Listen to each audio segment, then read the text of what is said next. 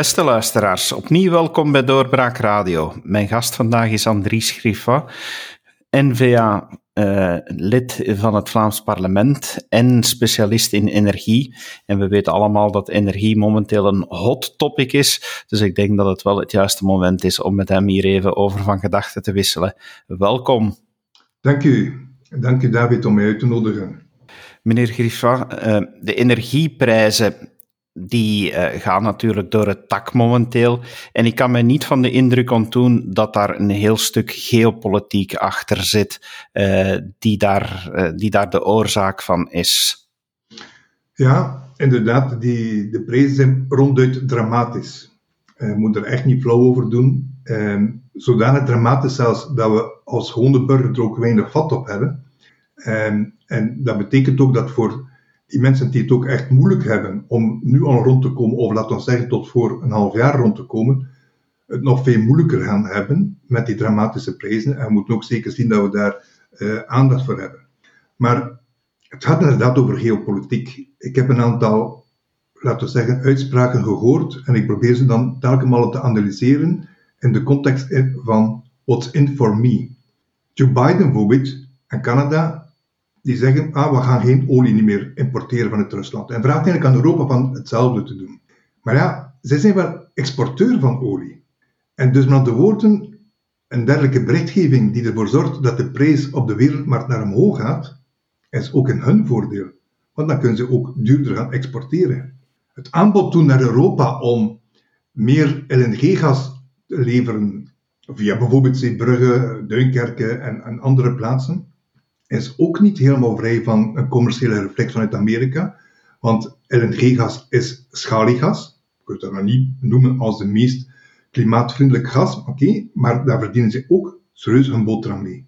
En Mark Rutte bijvoorbeeld, die zegt, ja, maar ik ben tegen de, de plafonnering van de gasprijs, want weet je, dat is niet goed, want dan gaan we onszelf uit de markt zetten en gaan ze niet meer willen leveren bij ons, enzovoort, enzovoort. Ja, nee, eigenlijk moet je gaan kijken waarom dat Mark Rutte dat zegt. Mark Rutte exporteert gas. En hoe duurder de gasprijs, hoe liever dat hij het heeft.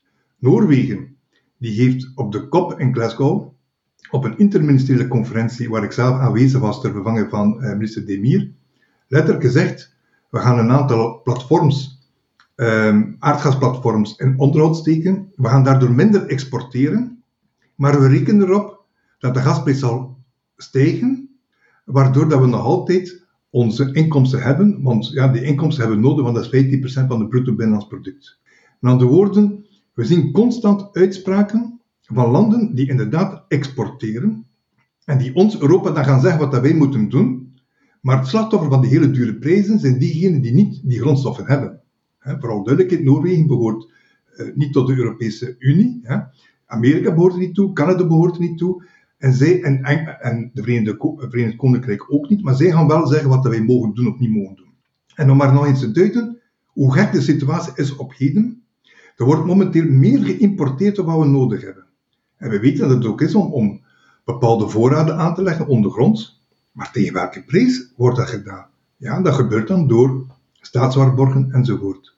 Dus die, die volledige prijs momenteel is voor een heel groot stuk emo, uit schrik, risicobepaling, maar vooral voor een aantal landen uit, eh, uit een commerciële overweging.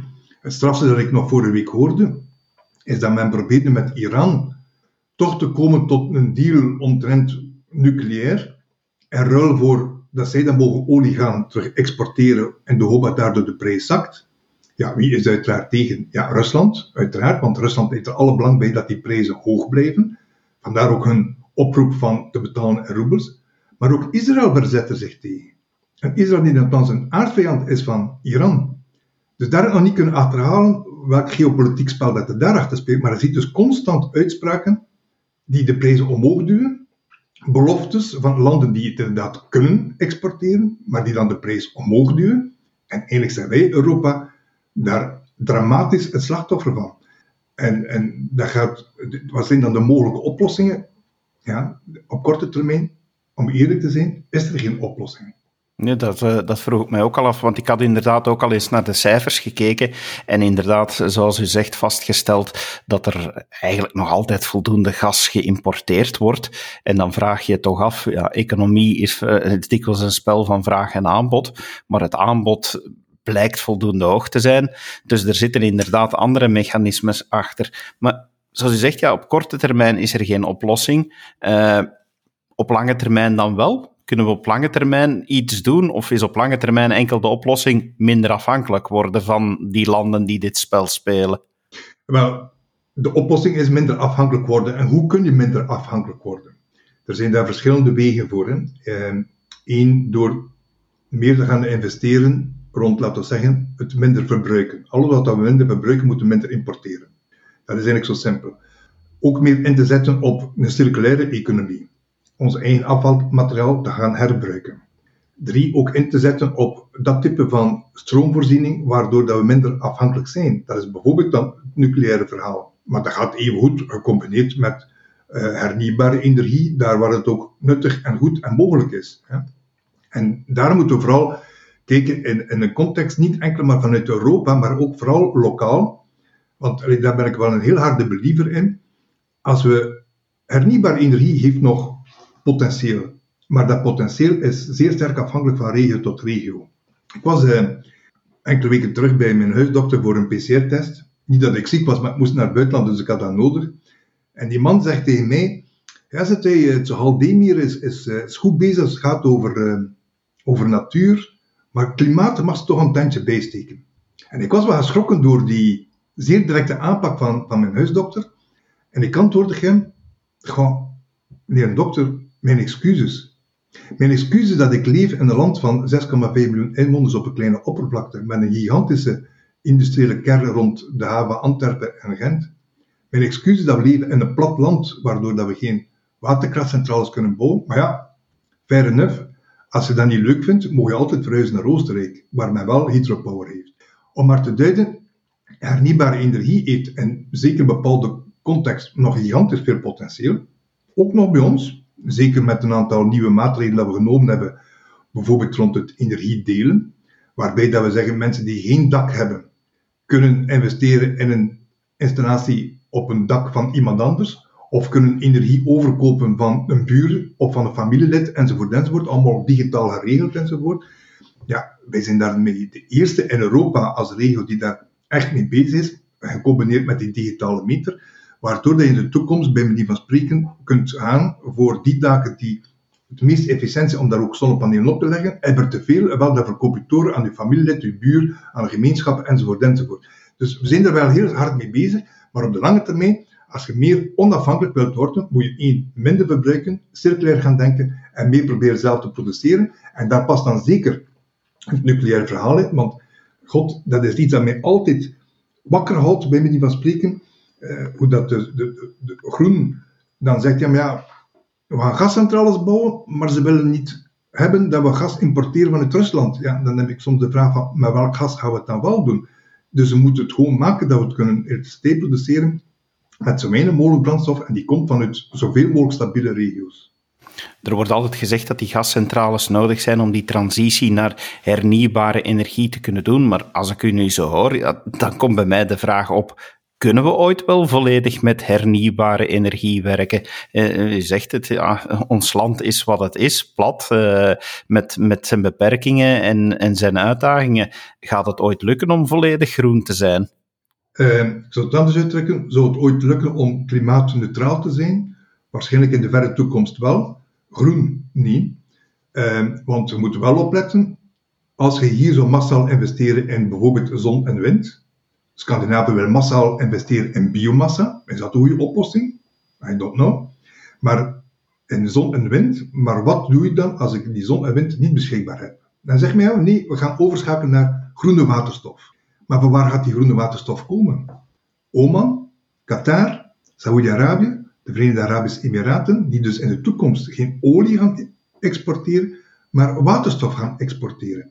Oké, Duinkerke, Rotterdam, eh, Zeebrugge, die gaan er in de toekomst ook aan kunnen, maar we zijn terug weer afhankelijk van die andere landen buiten Europa. Dus we moeten echt ervoor zorgen, en die gaan dan weer de prijs gaan bepalen. Dus we moeten echt ervoor zorgen dat we dus die, die onafhankelijkheid is voor, volgens mij de doelstelling nummer één als we willen hebben dat hier onze energieprijzen nog betaalbaar worden. En zal dat 100% groen zijn? Nee, klimaatvriendelijk, ja. Want die gascentrales, ja, dat is een oplossing naar de transitie toe, omdat die dan de flexibiliteit kunnen opvangen als er geen zon en wind is. Maar ja, dat kun je even doen met de kleine modulaire reactoren van een paar honderd megawatt, die dus heel snel kunnen aan- en uitschakelen, enzovoort, enzovoort. Hè. Dus met andere woorden, ik heb geen gascentrales nodig om dat te doen. Maar we moeten af van het dogma. En ik zeg jou, dat kan ook perfect gebeuren met kleine uh, nucleaire centrales, die met die grote, zoals met Bolt in Engeland en in Frankrijk, dat heeft dus geen zin. Maar, maar we hebben dat wel nodig. En dus ons baseren van we gaan het doen met gas, we gaan het doen met groene waterstof of met groene ammoniak enzovoort enzovoort. Dat zijn allemaal producten dat we weer gaan moeten importeren van buiten Europa. En dat maakt ons weer zo afhankelijk. Men spreekt het rapport eh, vandaag van de Nationale Bank. De economie gaat vertragen. We spreken van prijsstijging tot en met 23 van 13 procent. Gemiddeld zullen de lonen stijgen. Ja, straks zijn we ook niet meer concurrentieel met de rest van de wereld. Dat zijn inderdaad allemaal overwegingen die we moeten meenemen. Ik hoor u daar ook zeggen, die kleine nucleaire reactoren, eh, daar horen we heel veel over. Maar hoe ver staan we daarin? Want dat is toch nog toekomstmuziek. Van, is dat iets wat we mogen verwachten op, over vijf jaar? Of is dat toekomst uh, voor over vijftien jaar? Ja, ik denk dat je hier moet rekening houden dat de toekomst, dat die, normaal gezien vanaf 2035 zullen kunnen gecommercialiseerd worden. En daarom ook dat wij zo gepleit hebben voor die verlenging van het nucleair park. Uh, en wij pleiten er altijd voor om niet te gaan voor twee centrales voor tien jaar. Wij hebben altijd gezegd zoveel mogelijk centrales 20 jaar. En dat heeft voor mij verschillende redenen gehad. Eén, een investering dat je doet, dat wij die moet doen voor 10 jaar, voor 20 jaar, bij, bij manier van spreken is het ongeveer dezelfde investering. Uh, maar dan kunt je wel afschrijven op een lange termijn, dus de kost per jaar is lager. Twee, zoveel mogelijk. Wel, uh, door het feit dat we alles bijna op één datum zetten, met laten we zeggen tijdspannen van een paar jaar, is de schok te groot. En dus als je meerdere centrales nog langer openhoudt en dan, laten we zeggen, gradueel een sluiting doet. Ja, door 1, 2 bijvoorbeeld, oké, okay, dat zijn de oudste, maar die kunnen misschien nog draaien tot 2027. Ja. Um, dan, dan, dan bijvoorbeeld kunnen zeggen, oké, okay, dat pakt de scheurtjesreactor, die ook binnenkort sluiten, maar die kunnen misschien nog vijf jaar langer laten draaien. Maar waardoor de gradueel gaat gaan afbouwen. En 20 jaar, wel tegen dan zijn inderdaad die, die, kleine modulaire reactoren wel, uh, laten we zeggen, uh, commercieel aan te kopen. Misschien staan we dan ook verder met het MIRA-project, dat is de generatie 4, waarbij dus dan men gebruik maakt van de staven, de afvalstaven, chemisch en fysisch te verwerken en opnieuw te gebruiken als brandstof. Misschien staan we tegen binnen 20 jaar daar ook verder mee, maar die kleine modulaire reactoren die zijn tegen 2035 volledig uh, commercieel uh, mogelijk. Eentje zegt dan, ja, uh, we geraken niet op tijd klaar, want we moeten tegelijkertijd afbouwen en we moeten tegelijkertijd verlengen. Nu, ik vind dat eigenlijk niet correct, wat dat zij zeggen. Het is niet omdat je centrale stillegt dat die al moet denucleariseren, of dat die al moet gaan ontmantelen. Je kunt perfect zeggen, ik ga die ontmanteling doen, nadat ik mijn huiswerk voor de verlenging afgewerkt hebt. En waardoor je niet het probleem hebt van personeel. Maar waarbij je kunt zeggen, ik zet mijn personeel eerst in op het verlengen en ik zet daarna mijn personeel in voor het ontmantelen. Maar ze hebben natuurlijk ook een politiek gevoerd, een, laten we zeggen, een soort uh, paniekpolitiek binnen het personeel en heel veel personeel vertrekt ook. En dat is juist ons probleem. Maar in principe, allez, met een beetje goede wil, maar ja, net zoals ik daarnet aanhaalde waarom bepaalde landen een bepaalde reactie hebben op iets en de prijs naar omhoog jagen. Engie doet hetzelfde. Hè? Engie is ook aan het kijken, wat voor ons nu het meest interessante? Toch die verlenging? Of die gascentrales niet verlengen? Combinatie van beide. Wat brengt mij het meest op? Dat is hetgeen dat ze duidelijk zich aan het positioneren zijn. U sprak over, eh, over onafhankelijkheid uh, in de energievoorziening, maar met het nucleaire park zijn we toch ook afhankelijk zij het dan wel van een partner binnen de Europese Unie, maar Engie toch wel duidelijk een Frans bedrijf.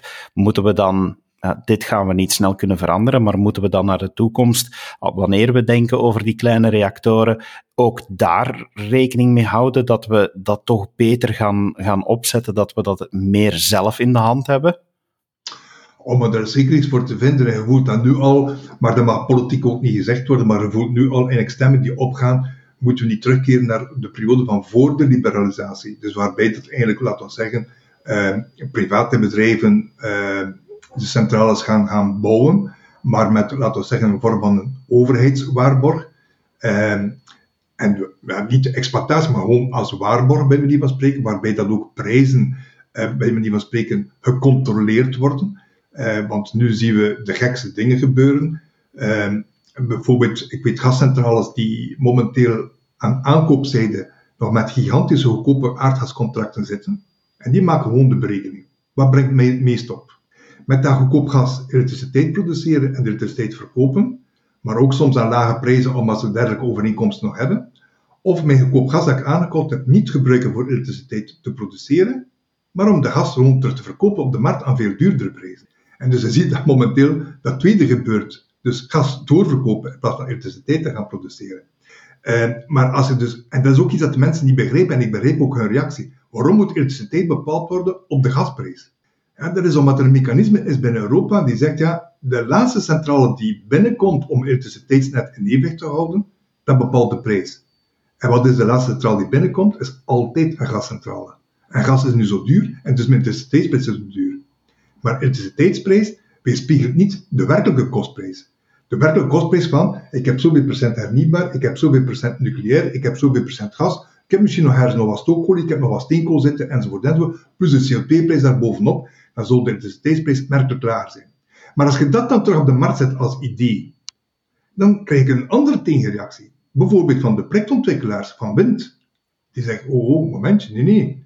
Wij vinden dat leuk dat die elektriciteitsprijs zo hoog is, want we hebben nu een goed verdienmodel. En als die elektriciteitsprijs terug straks zakt, is dat weer niet goed voor onze windproductie.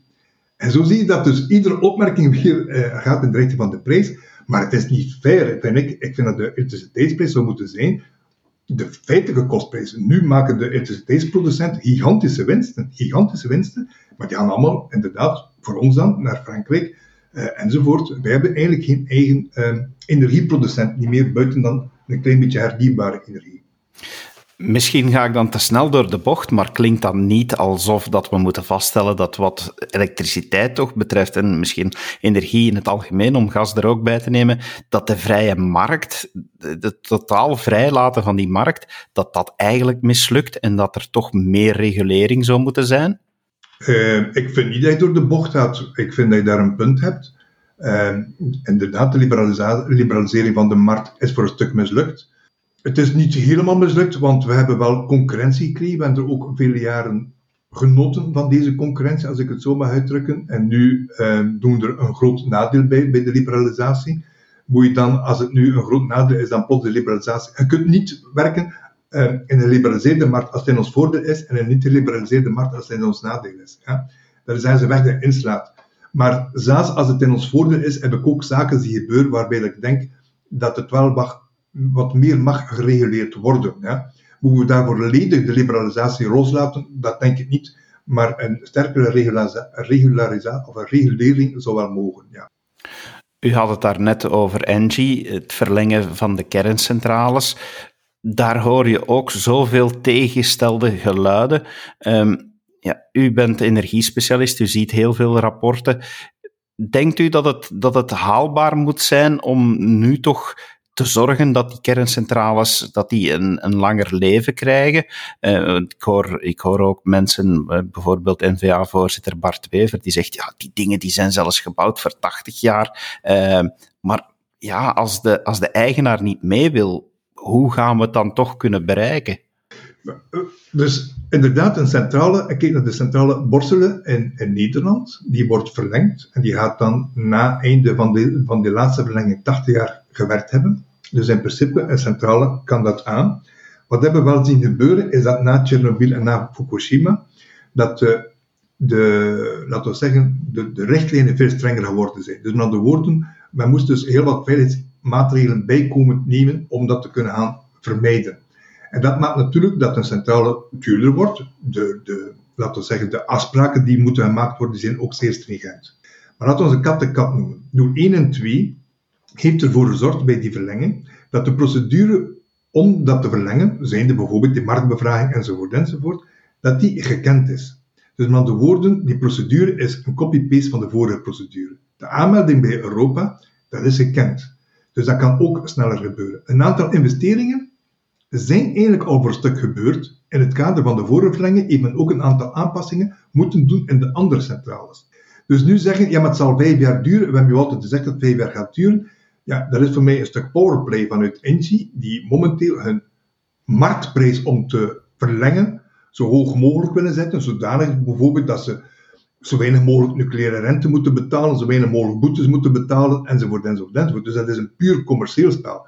Maar natuurlijk, ik steek niet onder stoelen of banken, dat ik het altijd zeer spijtig gevonden heb dat uh, minister van de Straten te veel er gedogmatiseerd heeft of niet, nucleair niet, en die piste onvoldoende te gronden onderzocht heeft, en ook bij manier van spreken commercieel uitgespeeld heeft tegen Engie, of politiek heeft uitgespeeld, waardoor dat Engie het inderdaad moeilijk begon te krijgen. Nee, ze heeft zodanig gepleit voor gascentrales, dat Engie in een zetel zat. En als er nog eens blijkt dat de twee gascentrales die in de CRM-mechanisme ook naar boven komen, ook toevallig van Engie zijn, ja, dan zitten ze helemaal in een zetel.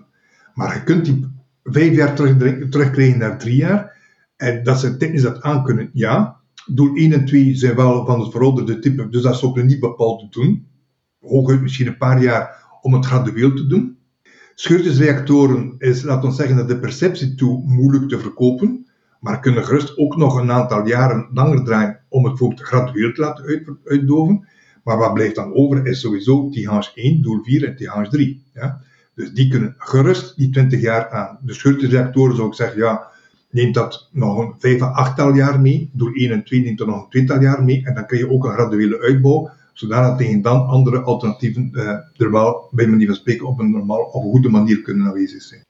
We hebben nu pas de Europese top gehad, waar uh, tal van discussies geweest zijn. Groepsaankoop, uh, de maximumprijzen gaan zetten op gas. Daar werd dan op gezegd, ja, maar dat gaat moeilijk gaan, want dat gaat uiteindelijk nadelig werken. Uh, u zei ook al, ja, op korte termijn weinig mogelijkheden. Maar kan Europa sowieso iets betekenen in, in deze politiek? Is dat nu iets waar, waar Europa echt wel een verschil zou kunnen maken uh, op bepaalde gebieden volgens u? Ja, het, uh, de, de plafonering van de prijzen, dat denk ik dat dat moeilijk zal zijn, maar die groepsaankopen wel. Uh, je kunt het eigenlijk perfect vergelijken wat men gedaan heeft met de vaccinatie voor COVID-19. Ja? Men zou perfect kunnen zeggen, verplichtend of vrijblijvend van al die landen. Want als je als groep gaat gaan praten met een aantal landen die gas kunnen exporteren, dan is dat, uh, kun je veel groter druk zetten bij manier van spreken op wat wij, klein landje, en andere grotere en middelgrote landen, dan moeten gaan afzonderlijk gaan negociëren. Dus ik geloof wel in die uh, groepsaankopen, omdat dat, dan geven meer power. En dan toon je ook dat we, uh, dan kun je ook spreken over langdurige contracten enzovoort enzovoort. Dus daar geloof ik wel in, groeps laten we zeggen, platform, een beetje vergelijkbaar met die vaccinaties. Wat dat ik me dikwijls afvraag over de rol van Europa is eh, met betrekking tot hoe Europa altijd reageert op kartels. We zien in de technologische sector eh, Europa heel streng optreden, maar we horen ze nooit eigenlijk over zoiets als OPEC, wat ook heel duidelijk een kartel is en, en prijsafspraken opdringt en dergelijke. Waarom doet Europa daar niet meer aan? Omdat uh, met Europa, als we inderdaad kijken naar kartels, vooral kijkt naar kartels binnen Europa. En OPEC, daar zit nu toevallig geen enkel Europees land in. Dus die hebben daar ook geen pak op. Die hebben er ook niks aan te zeggen. En die mensen doen gewoon hun zin en wij zijn daar gewoon het leidend voorwerp in. Wij ondergaan. Ja. Het is ook zo dat Europa zich al te veel ook gefocust heeft op de Green Deal. En gevoeld dus nu ook dat ze nu deze uh, oorlogssituatie in Oekraïne willen gebruiken om de Green Deal nog meer te gaan aanscherpen. Alhoewel ik denk niet dat dat nu bepaald de oplossing is. Maar die is dus altijd gekeken wat kunnen we doen op de interne markt. Ja, naar renovatie, naar hernieuwbare energie, onze eigen doelstelling opleggen naar klimaatneutraliteit in 2050. De wereld tonen hoe dat men dat binnen Europa wil doen. Maar men heeft vergeten dat men een energie, buitenlandse geopolitiek ook moet opzetten. En ik denk dat ze dat nu wel gesnapt hebben. Ja. Is nu snappen van nee, we moeten aan één zeel trekken, als ik het zo mag uitdrukken, om ook onze geopolitiek voor, inderdaad, waarvoor dat we afhankelijk zijn van de brandstoffen en de grondstoffen, om daar aan één zeel te trekken. Men heeft tot nu toe te veel gekeken naar de interne markt, van te tonen aan de wereld hoe goed dat we bezig zijn, en eigenlijk geen rekening gehouden, en eigenlijk zijn ze soms een beetje bedweterig ten overstaan van de rest van de wereld. Ik heb dat heel duidelijk gezien op de klimaatconferentie in Glasgow, waar dat Frans Timmermans rondloopt als de klimaatpaus. En eigenlijk naar de Afrikaanse landen en de Aziatische landen ging uit dat, goh, maar jullie zijn niet goed bezig, het in Europa, wij hebben een Green Deal, enzovoort, enzovoort. Ja, dat is allemaal wel mooi, maar, maar weet je, nu zijn we echt, echt gepakt op, op onze adem. Uh, we zijn misschien wel goed bezig, en we zijn misschien wel zeer bedweterig, maar we zijn o zo afhankelijk van de regio's buiten Europa. En daar hebben we veel te weinig aandacht voor gehad. En dus dat moet echt veranderen op de korte termijn als we eigenlijk willen kunnen overleven. Ik denk dat we dat wel kunnen onthouden uit dit gesprek. De uh, afhankelijkheid die we hebben in de energiesector, daar moeten we echt iets aan doen. We moeten rekening houden met het geopolitieke. Dank u wel, meneer Griffra, dat u ons dat hebt willen uitleggen. Geen probleem, dank u wel. En u, beste luisteraar, hopelijk hebt u er weer wat van opgestoken. Daarvoor doen we deze podcast en heel graag tot de volgende keer. Dag. Dit was een episode van Doorbraak Radio, de podcast van doorbraak.be. Volg onze podcast op doorbraak.be/slash radio of via Apple Podcasts, Overcast of Spotify. Bezoek ook onze website op doorbraak.be en steun ons door een vriend te worden van Doorbraak.